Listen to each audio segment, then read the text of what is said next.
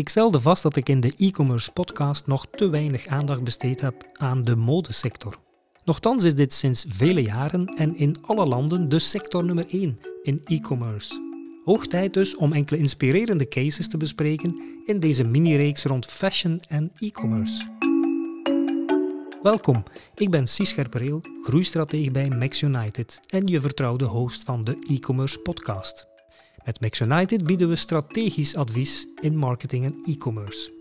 Ik bedank meteen ook Bpost en Molly voor hun gewaardeerde steun aan deze podcast. Mijn fashionreeks start bij brooklyn.be. Ik werd daar straks hartelijk verwelkomd in een gloednieuw hoofdkwartier. Op deze plek legde begin juni 2021 een hevige brand de kantoren en het magazijn in de as. Een stevige klap waar zaakvoerder Ubbe Deskamps nu kan op terugkijken. Ik herinner me nog dat we naar de vergadering reden en dat we in de auto nog zeiden, well, de resultaten zijn zeker niet slecht, het gaat de goede kant op. Ja, en dan anderhalf uur later sta je te kijken naar je bedrijf die in vlammen opgaat. Op zich is dat een enorme klap. Brooklyn is een familiebedrijf dat 50 jaar geleden werd opgericht. Stel je een heel analoge en conservatieve wereld voor, waarin de ouders van Ubbe in de nasleep van mei 68 met jeanskledij uitpakten. Het werd de basis voor 50 jaar rustige groei.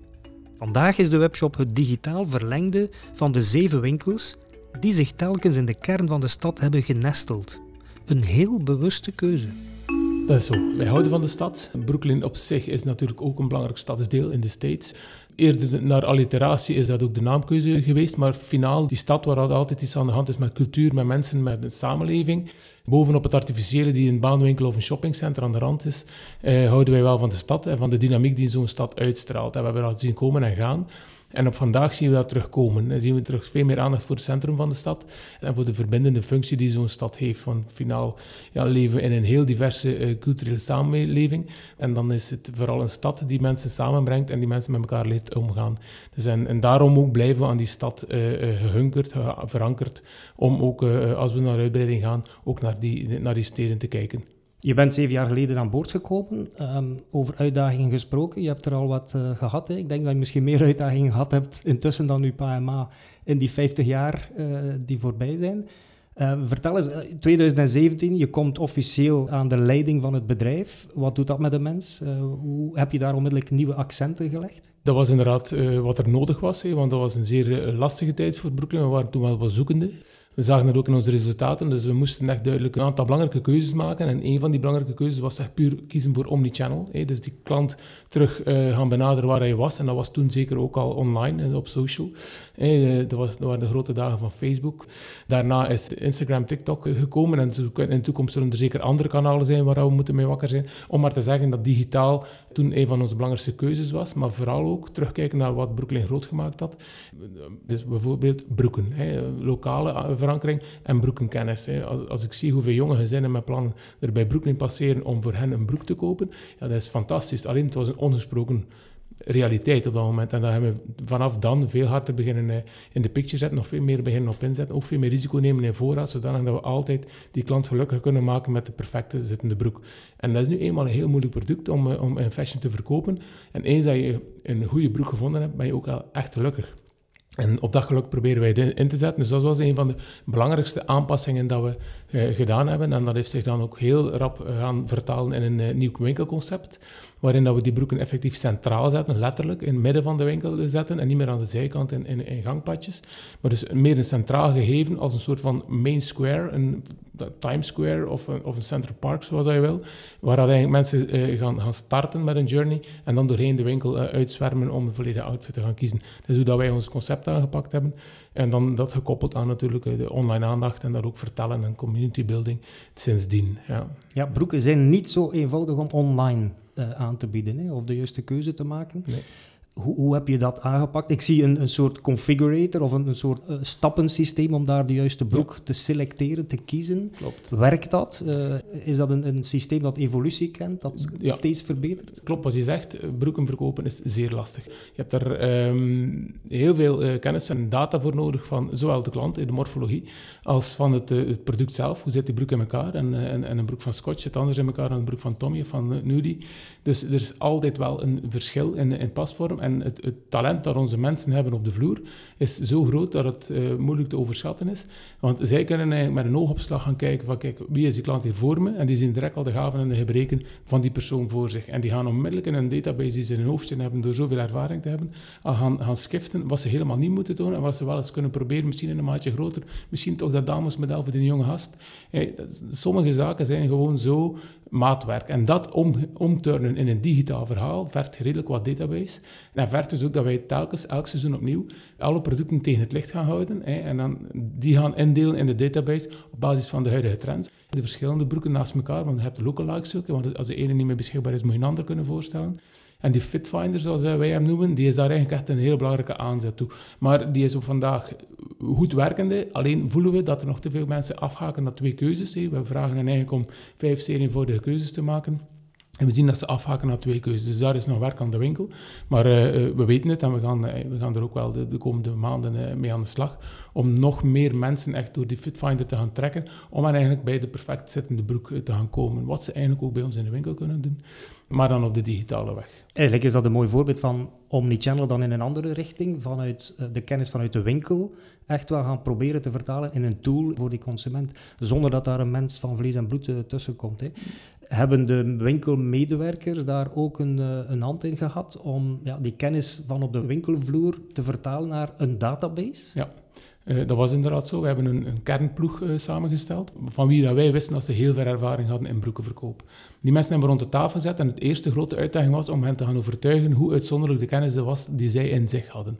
Zij vonden allemaal de normaalste zaak van de wereld dat zij met, met soort van ja, professionele uh, misvorming naar iemand zijn poep konden kijken en zeggen van ja, hij heeft zo'n broek aan, hij heeft dat model aan en die wassing van dat jaar. Dat, is, was bij wijze van spreken alsof een vliegtuigspotter naar vliegtuigen kijkt.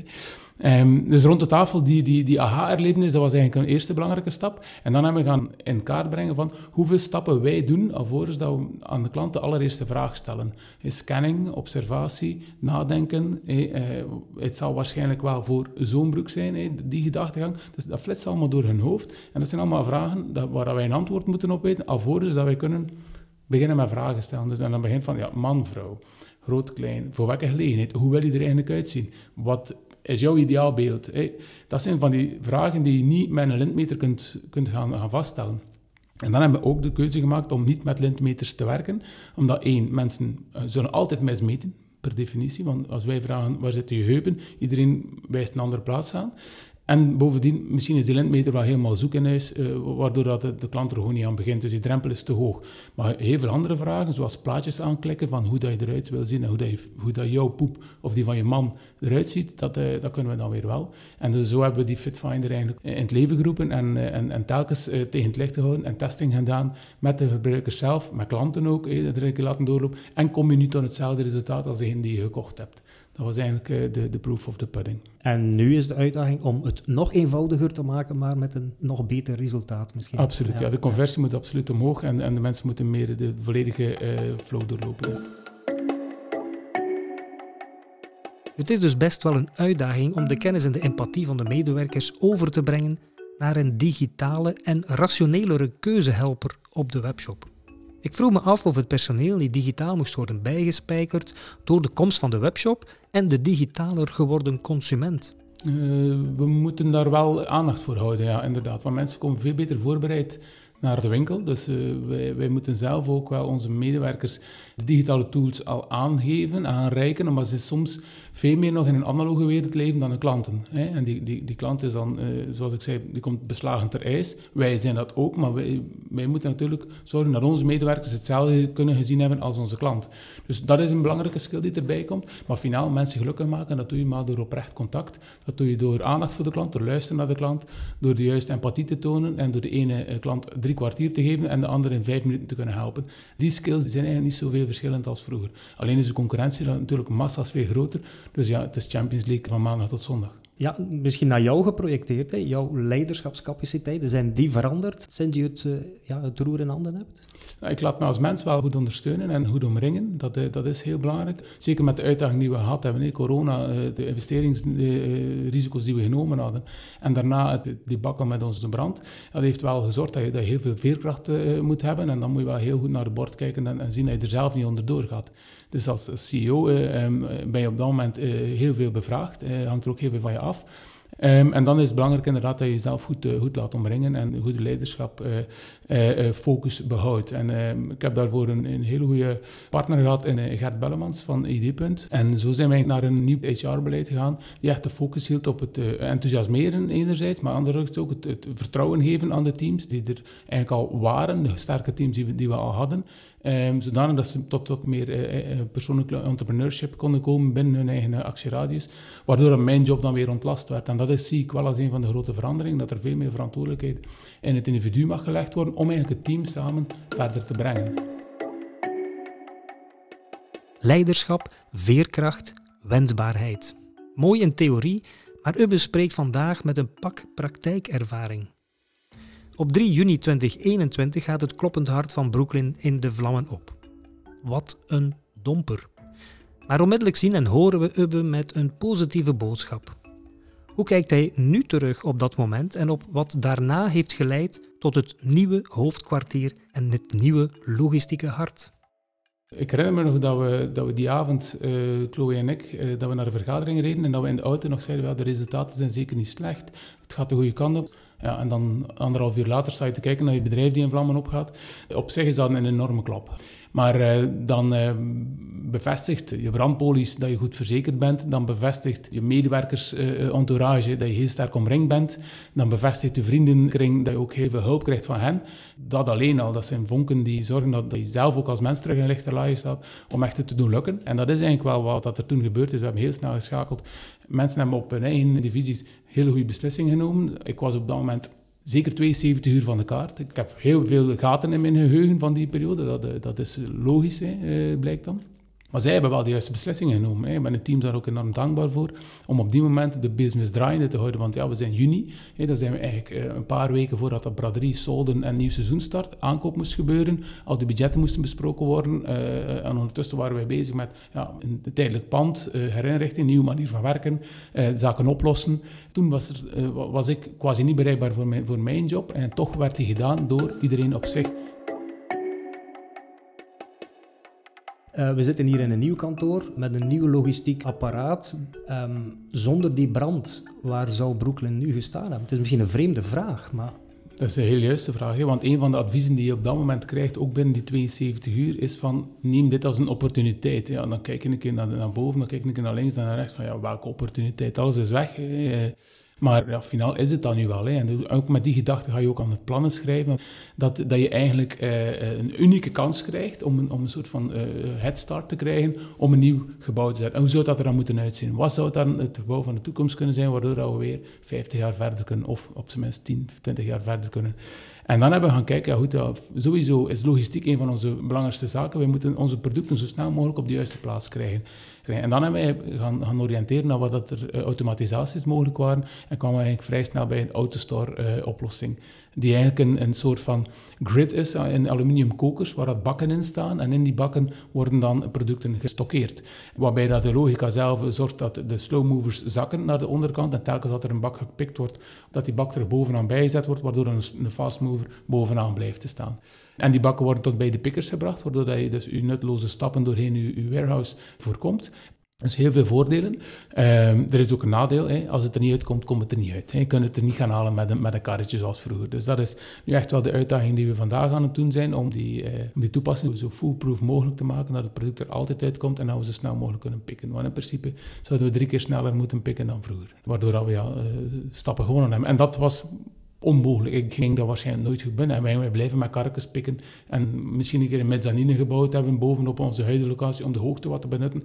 We komen sowieso bij dat logistieke verhaal, zoals je het nu schetst. Hè. Er is ook een andere aflevering van de podcast waar we bij um, Active Ants uh, langs geweest zijn. En daar, het, is, het is een kopie van dat soort uh, dat systeem. Hè. Uh, heel handig en, uh, en, compact. Hebben jullie ook hangende kledij? Want dat past dat minder in dat systeem. Hè?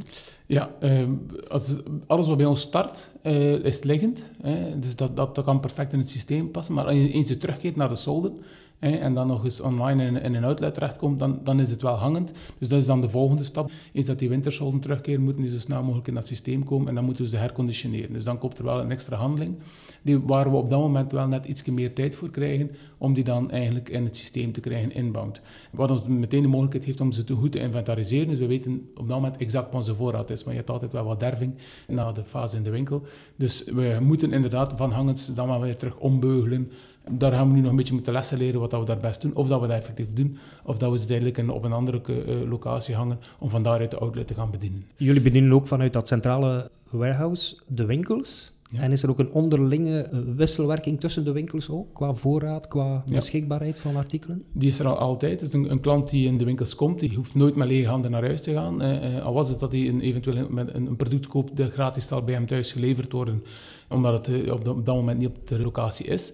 Of ik kan het gaan afhalen in, de, in een andere winkel of in diezelfde winkel.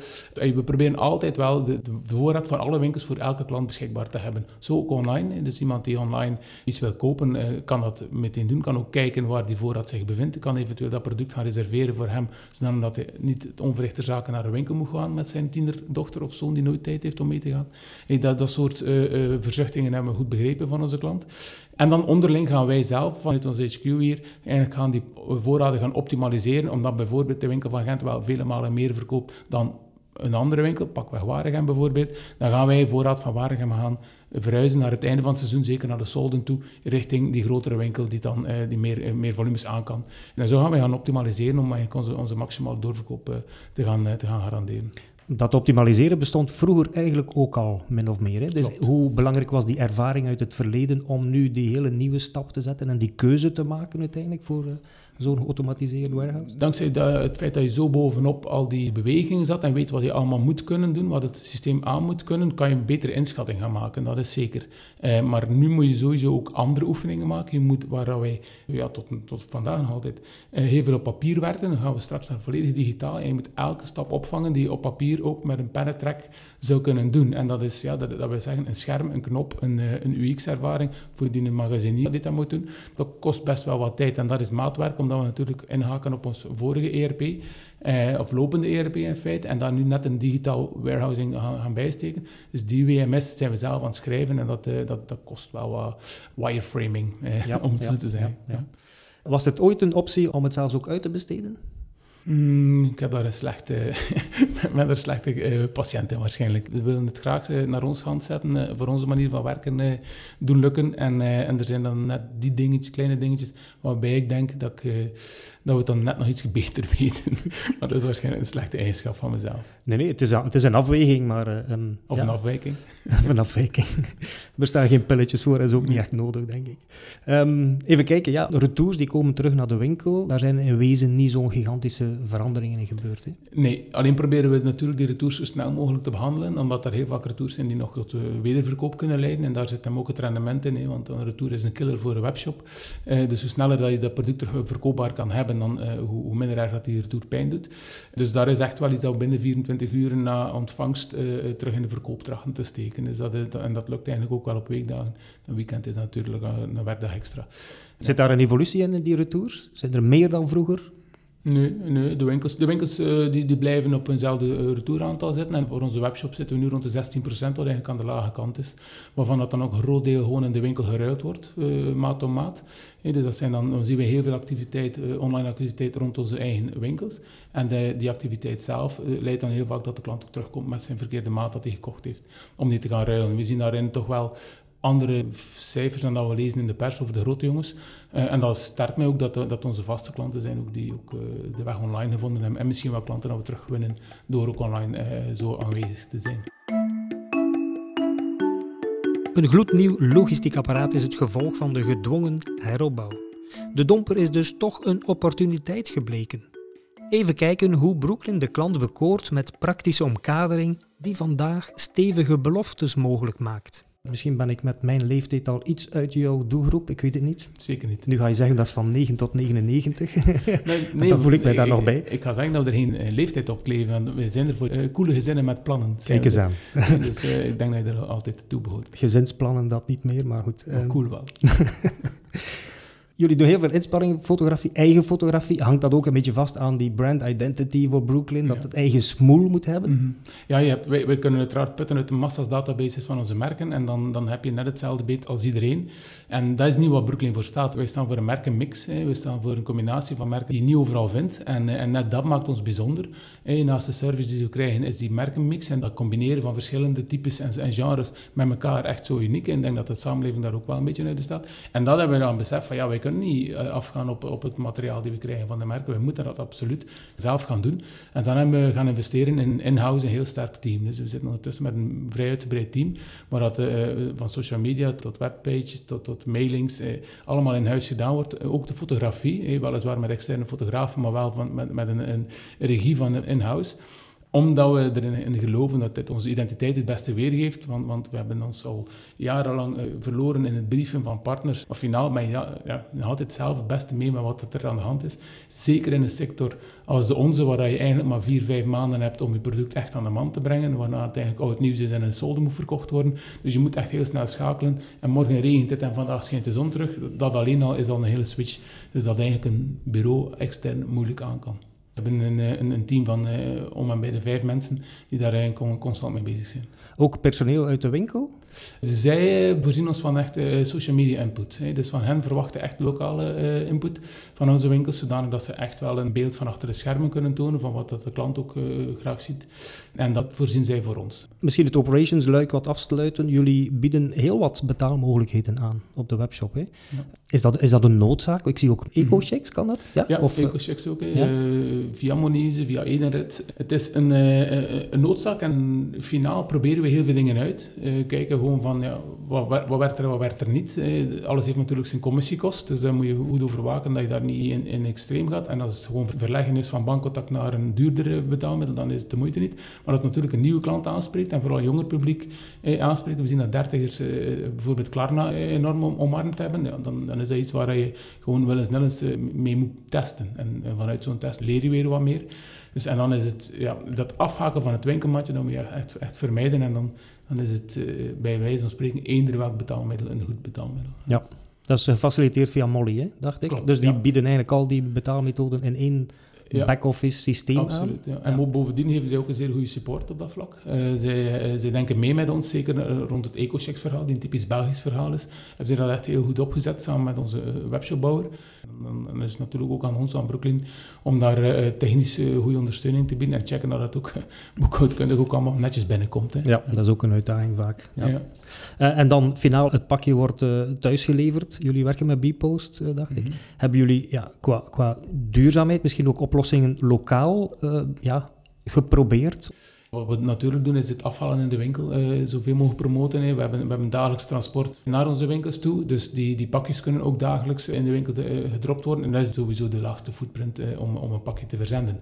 Um, maar we zitten in een commerciële omgeving en daar is ook weer opnieuw de, de, de, vraag van de klant heel vaak leidend. Dan kunnen wij ons best doen om de klant bewust te maken van bepaalde impact. Maar wij als retailer, wij kiezen dan voor een lokale partner, wat ik ook al belangrijk vind, die Bpost is. Die kent de markt, die weet dat je bij Piet in zijn tuinhuis mag leveren en die weet dat je bij Marjan bij de buren mag bellen. Dus daarom dat ik wel eh, hou van Bipost als lokale partner. Verpakken jullie in uh, kartonnen dozen of in... Uh zakken? Of Wij verpakken in gerecycleerde zakken die bovendien hersluitbaar zijn. Dat wil zeggen dat de klant als hij retour wil sturen ook dezelfde zak kan gebruiken om het, om het pakket retour te sturen met een even waterdichte seal als dat hij van ons ontvangen heeft. Dus daar, daar hebben we ook lang op gezocht om een goede partner te vinden daarvoor. En we hebben daar eigenlijk een, ook een mooie identiteit van gemaakt van die zak, zodanig dat de blauwe tas, de, de gelukzak zoals wij hem noemen, bij de klanten toekomt met een makkelijk openritsbare seal die dan bovendien hersluitbaar blijkt. Ik haalde al heel even uh, duurzaamheid aan. Uh, niet toevallig, jullie hebben de Safe Shops Sustainability Award gewonnen afgelopen jaar. Proficiat. Dank u. Um, mooie opsteker, denk ik. Absoluut. Voor jezelf, voor het team, voor het merk. Ja. Heeft dat een weerslag in ja, die merkidentiteit? Gebruik je dat? We gebruiken dat, maar zoals alles met de nodige nuchterheid, we waren er eh, zeer aangenaam door verrast. En uh, dat doet enorm veel deugd om die erkenning te krijgen. En inderdaad, we zetten hard in op, op sustainability. We zijn nu eenmaal een broekenspecialist en jeans is een vervuilend product als je het niet juist aanpakt. Dus wij kiezen al jaren voor de groenere jeans, de, de meer duurzame oplossing. Ik ook had toen nieuwe manieren van washings die, die minder water nodig hebben, die ook veel minder vervuiling hebben. En we worden daar nu ook voor erkend en dat is heel fijn om dat te zien. En zo'n award, ja, dat, dat, geeft natuurlijk de geloofwaardigheid uh, dat we het goed doen. Hè. Dat we niet zomaar wat vertellen op onze site. Is er ook een vraag die gestegen is vanuit de klant zelf naar duurzame producten? Ik kan vooral voor onze klant spreken en wij voelen dat wel. Hè. Dus ik, ik, zei het al, wij zijn er voor die coole gezinnen met plannen. Dat is net een gezin waar dat er een beetje een, ja, een zeer actieve bezigheid is. Ook een hoekje af is, die altijd wel met een heel open kijk naar de wereld kijkt. En we voelen dat die klanten echt wel uh, heel bewust zijn van wat er aan de hand is. Hè. En daarvoor hoef je geen oorlog te hebben in Oekraïne om dat te doen. Uh, um, en dan, dan, dan, spreken wij vooral uh, naar echt pragmatische zaken, waarvan je echt zeker bent dat ze zinvol zijn. En daarbij hoort uh, duurzame energie. Alle winkels zijn uh, uiteraard allemaal met LED-lightings, uh, met warmtepompen. we hebben zoveel mogelijk zonnepanelen. We delen onze energie met alle winkels met elkaar om onze energiekost onder controle te houden en om ook die, die footprint naar beneden te houden. Dus dat zijn echt die duurzaamheidsalternatieven die we doen als bedrijf. En daarnaast is het, eh, is het hoe kijken naar recycling eh, van alles, alle papierstromen, kartonstromen, dat die gerecycled kunnen worden. We hebben daar ook een partner voor hier in Wevelgem die dat, eh, die dat doet voor ons. Dus die markt is echt wel heel beschikbaar. Je moet het gewoon willen doen. Hè. En van afval een soort van grondstof gaan maken. Eh, wij herbruiken ook zoveel als mogelijk. En, en dat, dat, weerspiegelt zich in de manier waarop we werken. En tegelijkertijd in de manier van de type collecties dat we, dat we in de winkels hebben. Verschillende collecties zijn echt wel al 100% sustainable. Dus de consument heeft daardoor een alternatief. Honest is zo'n merk dat er uh, bijgekomen is. Ja, Honest is zo'n merk. Uh, Mud Jeans is zo'n merk. Uh, Nudie Jeans is eigenlijk al jaren zo'n merk met een hele goede, hele goede insteek. Uh, Armed Angels, Thinking Mu, dat zijn echt allemaal merken met een heel mooie fashion gehalte en toch 100% sustainable zijn. Van verpakking tot transport, tot productie, tot sustainability, tot fairware. zij, zij alle boxes zonder het over greenwashing te moeten hebben, maar zij tikken echt alle boxes. En we zitten, van die partners zijn we overtuigd dat het, dat het ook klopt. Lovenswaardig is bijvoorbeeld het initiatief dat Levi's doet. Ze hebben een waterlesprogramma waarbij dat ze een bepaald procedé van hun productieproces, dus ze, ze claimen helemaal niet dat ze het volledige proces al green hebben, maar een bepaald procedé van het productieproces hebben ze 90% van het water gereduceerd. En dat is best wel een heel vervuilend proces. Het gaat over het kleuren van het, eh, van het garen. En dan, eh, eh, dan voel je gewoon dat die, dat die inspanning ook al een verschil maakt. En dat zijn misschien maar wat druppels, maar ja, druppels op een hete plaat. Als je er genoeg hebt, dan koelt ze wel af. Ja, en merk je dat, ja, dat consumenten ook voor die merken en met dat verhaal en die, die ja, operational excellence dan toch wel, hè, dat ze daar oor naar hebben, dat ze loyaler zijn voor zo'n merken? Wij hebben heel veel loyaliteit gevoeld tijdens corona. Hè. Heel veel vaste klanten, heel veel klanten die ons appreciëren, die echt wel snapten van, ja, dit is echt een hele lastige periode en een drop of eronder voor, voor die bedrijven. Dus dat was de loyaliteit, echt voor het lokale. We voelen in de grootsteden vooral heel veel uh, loyaliteit rond het uh, eco-verhaal. En draai of keer het, heel veel mensen hebben nu eenmaal een pak eco-checks in hun zak zitten, dus je moet er ook ergens mee heen, maar met, echt wel met meer bewustwording rond die groene fashion.